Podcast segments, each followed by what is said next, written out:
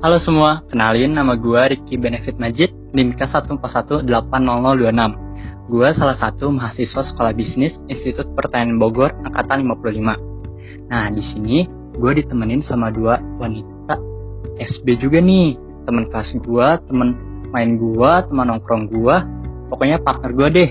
Mereka itu cantik-cantik loh, iyalah, anak SB, Asik. terkenal kan sama yang cantik-cantik. Cantik.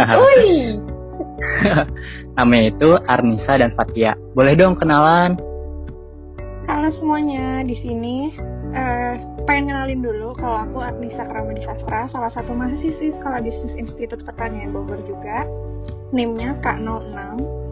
Eh, di sini kita hari ini bakal bahas-bahas hal-hal seru aja sih, ngobrol-ngobrol santai tapi eh, mepet-mepet ke mata kuliah di SB yaitu Bisnis Keluarga Perspektif Asia. Itu mata kuliahnya seru banget, asik banget dan relate sama kehidupan kita gitu.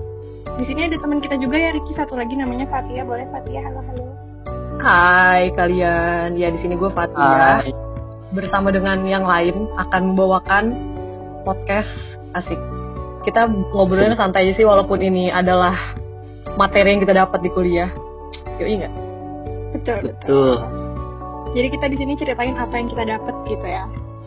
Benar. Biar bermanfaat buat orang lain juga, bukan buat kita doang. Mantap. Nah sebenarnya sebelumnya awalnya kenapa kita nih sampai bikin podcast itu ide awalnya tuh dari Fatia. Boleh Fat gimana ceritain kenapa sampai kok podcast sih eh, medianya? Ya soalnya gue ngerasa kalau misalnya kita ditugasin terus ditulisnya suruh buat PPT atau buat paper atau buat yang kaku-kaku gitu aduh nggak gue banget deh gue tuh pengennya mencurahkan otak gue nih isi otak gue yang ada secara bawel gitu ngerti kan lu secara panjang lebar gitu dan inilah media yang sangat tepat untuk kita ngebawel Betul. Karena kadang apa yang kita omongin tuh lebih lancar aja gitu daripada kita tulis harus mikir kata-katanya gitu ya. iya karena kita harus madetin kalau ditulis tuh Bener Iya, iya.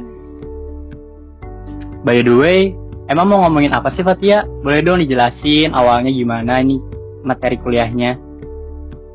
Katanya rame tuh, gimana emang ceritanya? Iya sih ini ramai banget sih karena ini materinya tuh kayak nggak ada ending gitu loh, selalu ada perbaharuan-perbaharuan dan problematika terus gitu kan. Jadi sekarang kita bakal bahas ya yang pengertian-pengertian dulu deh tentang bisnis keluarga. Nah, di sini tuh kalau menurut si John Elwood dan Craig E. Arnoff, dia tuh bilang katanya kalau misalnya perusahaan bisa dibilang perusahaan keluarga kalau misalnya ada dua orang atau lebih anggota keluarga yang ngawasin si keuangannya. Tapi kalau menurut si Ro- Robert G. Donnelly di bukunya yang dia tulis judulnya tuh The Family Business, organisasi itu dibilang perusahaan keluarga kalau misalnya paling sedikit ada keterlibatan dua generasi dalam keluarga itu dan mereka mempengaruhi kebijakan perusahaannya. Jadi kalau di sini sih gue nyimpulinnya hmm, gimana ya? Perusahaan keluarga tuh ini gak sih? Setidaknya tuh ada satu atau kerjasama antara lebih dari satu orang di keluarga, Keluarga. lo gitu. Bener. Ya mau Hmm, ayah ibu, benar, benar. mau om kakak atau adik kakak ya gak sih? Ya namanya juga bisnis Iya, keluarga kan. Pasti ada peran Hmm. keluarga di situ. Kalian Hmm. punya nggak bisnis keluarga? Belum sih. Akan gak sih kita? Aku sih baru baru rencana doang sih, tapi belum terlaksana gitu. Apa tuh bisnisnya Ki? eh mungkin bisnis kuliner ya, soalnya kan eh, bunda aku emang suka banget tuh masak-masak gitu dan aku juga emang dari kecil udah kayak pengen mimpi punya restoran gitu loh. Amin. Ayo kita aminkan bersama-sama. Amin. Amin amin. Sama keluarga, maksudnya keluarga inti bukan sama om atau sepupu. Iya. Keluarga inti sih rencananya tapi belum tahu juga. Amin. Nah, Amin. Doain aja guys. didoain. Testernya jangan lupa dikirimin. Iya. Siap, siap. Oke. Ya, di sini tuh ada bentuk-bentuknya. Bentuknya tuh ada tiga. Ada family owned business atau disebut juga FOB.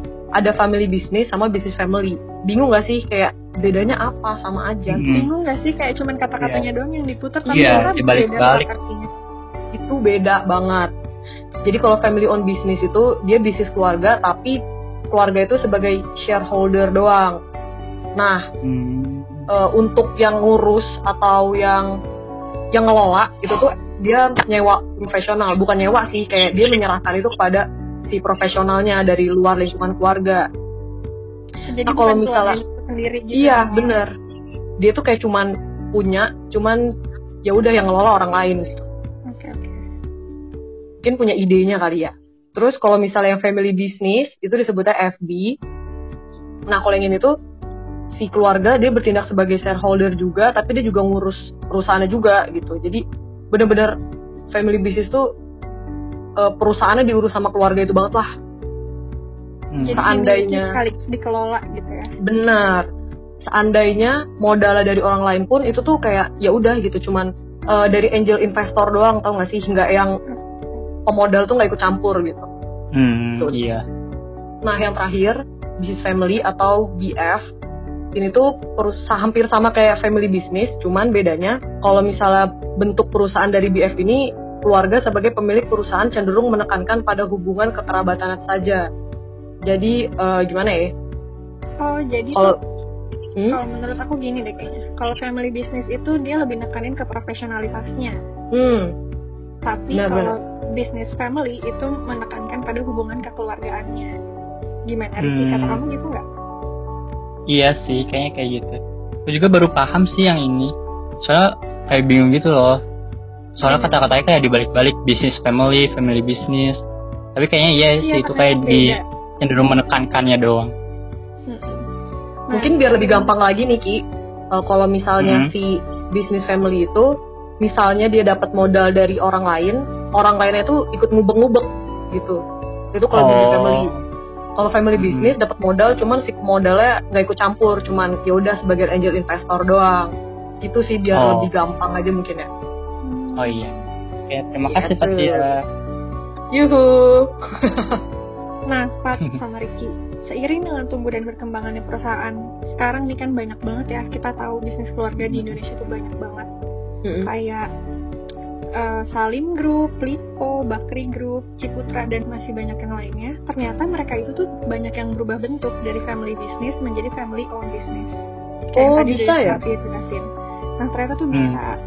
Hmm, Jadi apa pun bentuk atau golongan bisnis keluarga yang dipilih sebelumnya, keluarga itu harus mampu mengatasi sejumlah masalah yang banyak timbul, kayak kepemimpinan, konflik, suksesi. Suksesi itu kayak lintas generasi gitu, misalnya dari generasi satu pindah ke generasi dua, generasi dua ketiga dan seterusnya. Terus transparansi, kompetisi, dan budaya perusahaan. Hmm. Jadi ternyata perubahan-perubahan itu tuh bisa terjadi seiring dengan berjalannya waktu karena kan banyak juga ya keluarga yang nggak mampu mengelola itu sendiri jadi dia jadi berubah bentuknya bisnis. Bener. Iya. Benar. Mungkin juga. kayak gini ya, kayak misalnya orang tuanya bisa sukses, cuman anaknya nggak tertarik untuk melanjutin gitu. Bener. Jadi ya udah berubahlah Iya. dia lebih memberikan ke yang profesional gitu gak sih? Atau Iya. passion anaknya nggak di situ gitu kan. Mm-mm. Jadi ya gimana masa mau dipaksain gitu kan. Terus kayak Iya. konflik cari amannya, ya udah kasih aja ke orang gitu ada nggak? Iya. Mungkin ada bunuh-bunuhan tuh kayak di film. Bener banyak banget ya yang kayak di drama-drama atau film-film gitu Heeh. suka diceritakan. Ngomong-ngomong soal drama kan bener juga ya di drama itu kan biasa diambil cerita itu dari realistis juga. Jadi iya sih yang apa yang di drama tuh kadang-kadang juga emang bener sih kenyataannya kayak gitu. Relate ya sama dunia nyata, Mm-mm. Can relate gitu. bukan fiktif biasa Oh. doang. Can relate katanya. Ternyata motivasi orang buat buka bisnis bareng keluarganya itu macam-macam. Ada yang pengen bisnis keluarganya jadi sumber penghasilan utama. Tapi ada juga yang sebenarnya cuma buat sampingan atau cuma salurin minat sama hobi doang. Atau ya nerusin usaha keluarga gitu. Jadi ternyata motivasi dibikinnya bisnis keluarga ini tuh ada macam-macam gitu. Karena kan ada juga yang kita tahu ya misalnya artis tapi dia tetap aja bisnis karena ya nerusin punya keluarganya gitu kan. Iya.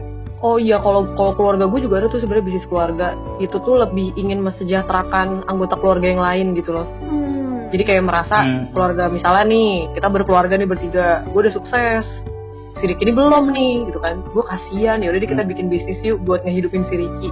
Bener-bener. Wah, mulia banget ya itu tujuannya.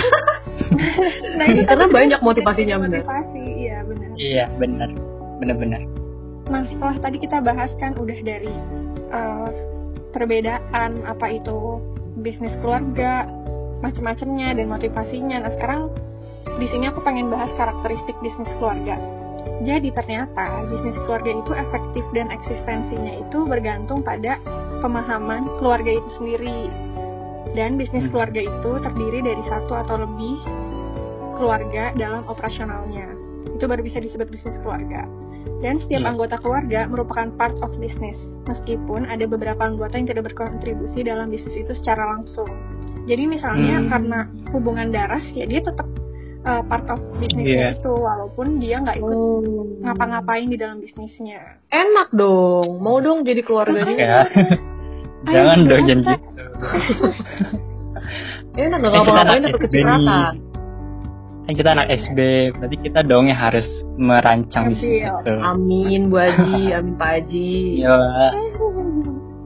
Nah, sementara nilai yang dianut bisnis keluarga itu merupakan reflektif dari nilai keluarga utama itu sendiri. Kayak misalnya eh, nilai kinerja dari suatu bisnis itu tergantung dari nilai-nilai yang si foundernya itu yang bikin. Jadi misalnya yang tertua kita tuh udah punya budaya sendiri karena itu tuh nanti bakal turun terus ke bisnis-bisnis walaupun udah lintas generasi tapi tetap ada dasarnya gitu loh nilai yang udah ada di bisnis itu di perusahaan itu. Oh gitu ya. Ya gue gue mau ngasih contoh nih kalau misalnya mungkin kalau yang tadi tuh yang nilai yang dianut bisnis keluarga dia rela, relatif apa Hmm. namanya dari oh refleksi dari keluarga utamanya atau founder itu mungkin kayak Iya, iya. kalau. Chinese culture gitu tuh nggak sih? Nah, selain itu, anggota keluarga itu memiliki kendali hukum pada bisnis itu sendiri ya. Seperti kita tahu ya, dia udah terikat di situ, pasti dia juga punya kendali hukum sendiri untuk di bisnis itu. Gitu. Hmm, gitu. Eh, by the way, kalian tahu gak sih bedanya family business sama bisnis yang lain? Gimana tuh? Gak tahu sih kayak gue tau Hmm. cuman ya udah kalau family business Ya, gue jelasin. keluarga gitu Yang pertama itu yang ngebedain family business sama yang lain tuh, yang pertama tuh kehadiran keluarga itu sendiri. Ya pasti dong ini kalau kalau bukan keluarga itu ya disebut juga bukan family business. Yang kedua itu ada owner's dream atau enggak visi misi pemilik. Nah, yang kita tahu kan kalau visi misi pemilik untuk apa family business kan beda-beda tuh. Ada yang kata Fatia tadi yang ngebantu keluarga yang lain atau mau mesejahterakan keluarganya sendiri atau yang lainnya. Jadi itu yang membedakan yang kedua. Yang ketiga itu overlap of family ownership and management. Terus yang keempat itu ada eh, family business itu punya competitive advantage atau keunggulan bersaing. Nah, keunggulan bersaing ini merupakan interaksi dari overlap tadi yang disebutin jadi itu apa interaksi dari family ownership dan manajemen kayak gitu perbedaan family business sama bisnis yang lain. Terus yang bedain antara family versus bisnis itu apa sih? Jadi family itu emotion based yang artinya itu lebih mementingkan keharmonisan internal keluarganya. Kemudian kalau bisnis itu test based jadi eh, berdasarkan tugas jadi bekerja itu harus sesuai capability-nya. Kayak gitu sih teman-teman Aku juga sempat dengar sih waktu itu bisnis keluarga itu yang tadi Apa gimana Dek? Ricky bilang competitive advantage itu karena eh, link keluarga itu kan luas ya. Jadi ibu Iya, yang kenal betul. sama sini, bapak yang kenal sana, jadi cepet itu bisnis itu eh, terkenalnya, tersebarnya gitu. Jadi Hmm. keren juga emang family business. Tapi kadang juga eh, bisnis dengan keluarga tuh memecah gitu Iya. nggak sih karena ini udah berhubungan dengan duit gitu loh Itu guys. sih yang jadi konflik? Orang tuh kalau udah sama duit udah kalap bisa nggak akan selesai bunuh-bunuhan. juga itu konflik. Mana bisa kita milih uang atau keluarga kan itu kayak nggak bisa dipilih gitu. iya Nah itu Benar. kalau family-nya bagus mah jadi jatuhnya nggak enakan gitu kan ya. Mau berpendapat jadi nggak enak, takut nggak harmonis, mau ini jadi nggak enak. Mungkin nanti kita Tapi bahas sekalinya barbar ya, ya, konflik di family business itu apa aja. iya ntar aja ya Oh, ba- ada bahasan khususnya. Aduh. Oke lanjut. lanjut Nah, tadi kan si Ricky ini ngomong nih kan tentang apa namanya Bedanya. tentang ownership, tentang family, tentang manajemen Hmm. gitu kan. Jadi itu tuh sebenarnya dalam bisnis family itu kita tuh ngebuat ada lingkaran-lingkarannya gitu. Nah, dari lingkaran-lingkaran itu, ketiga lingkaran family, ownership dan manajemen tuh mereka saling beririsan yang ngebentuk overlap namanya Hmm, kalau gue pengen ngejelasin dulu tentang yang family-nya dulu deh. Jadi kalau di family-nya ini nih ada cycle family business namanya. Cycle family business tuh kayak awalnya kita masuk nih bikin apa namanya? bikin baru ada ide, baru ada pengen menginisiasi suatu bisnis. Itu disebutnya yang business family ya. Nanti kalau kita punya ide, kita bakal entering business family atau kita udah mulai uh, masuk atau udah mulai merintis ya kan nanti pada saat itu kita working together itu kalau misalnya diibaratkan sama kurva nih itu tuh udah mulai Udah naik puncak kali ya. udah semakin naik working together yaitu owner sama penerusnya udah bekerja sama Hmm. Mm-mm. Nah, pada saat udah working together dan udah di puncak nih, udah sampai puncaknya kan namanya orang jadi tua Iya. ya. Orang tuh ada umurnya gitu.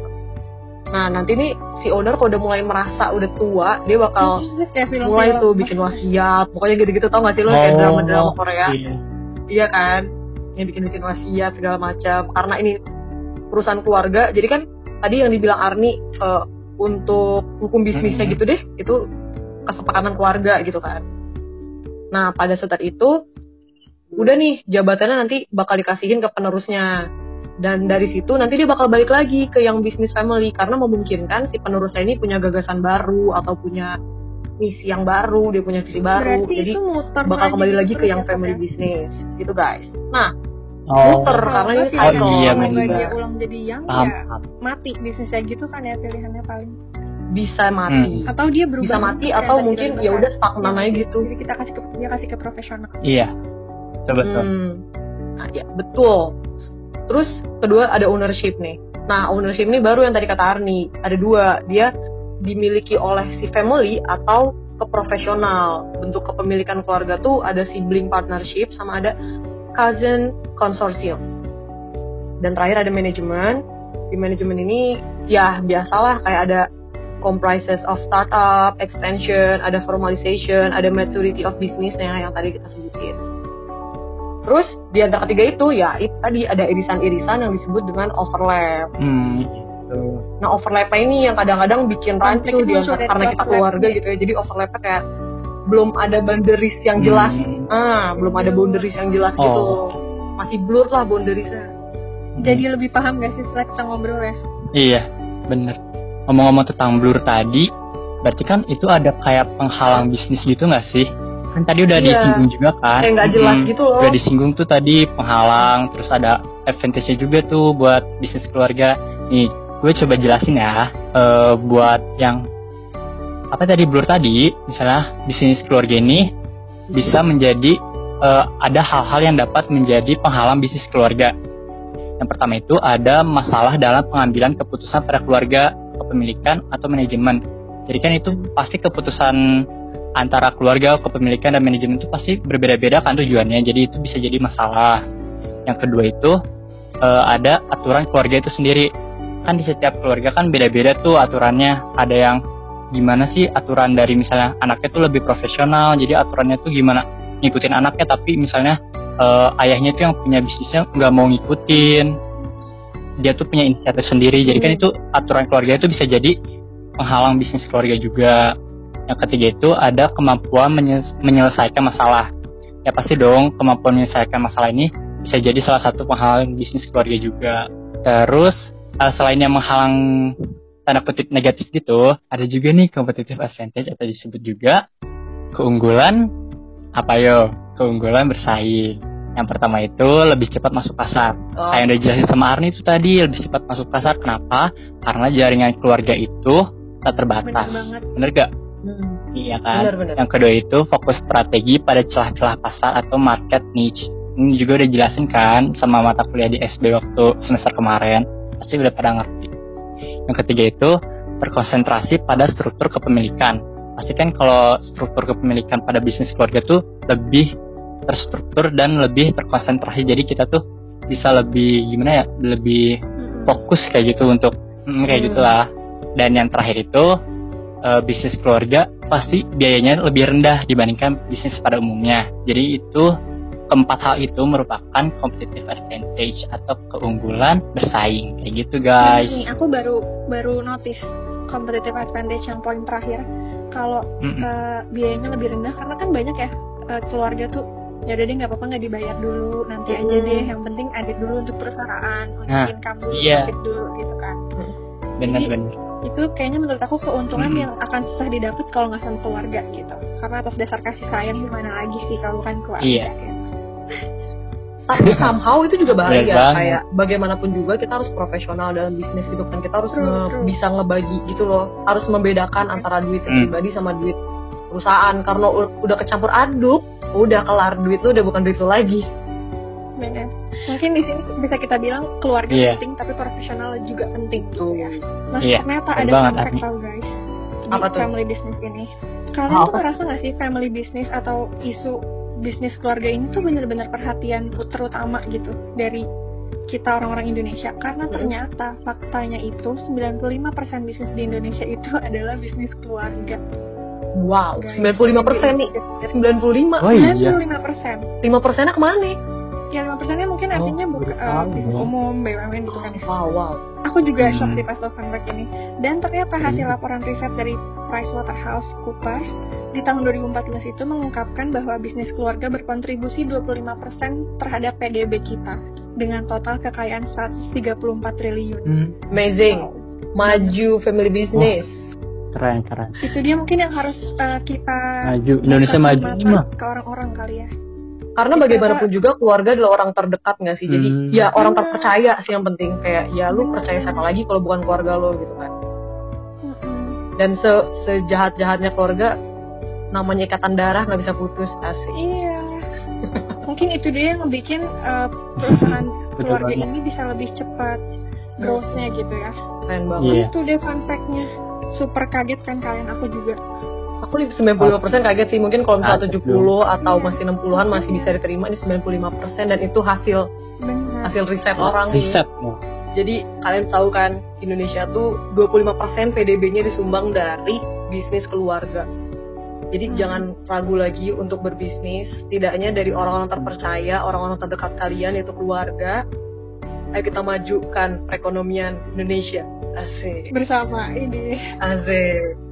Oke, mungkin itu aja Wih. yang dapat kita berikan. Mohon maaf banget kalau misalnya banyak kekurangan atau masih kaku-kaku karena ya wajar ini masih pertama kalinya kita nge-podcast nih, ya kan? Iya.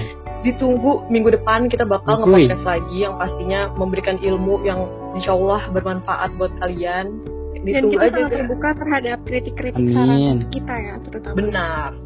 Terima kasih untuk kalian yang sudah Betul. mendengarkan sampai akhir. Semoga bermanfaat dan semoga kalian enjoy selama mendengarkan. Thank you, stay safe, stay healthy, and stay Dadah, teman-teman. Bye bye. Bye. See you next Oke. week.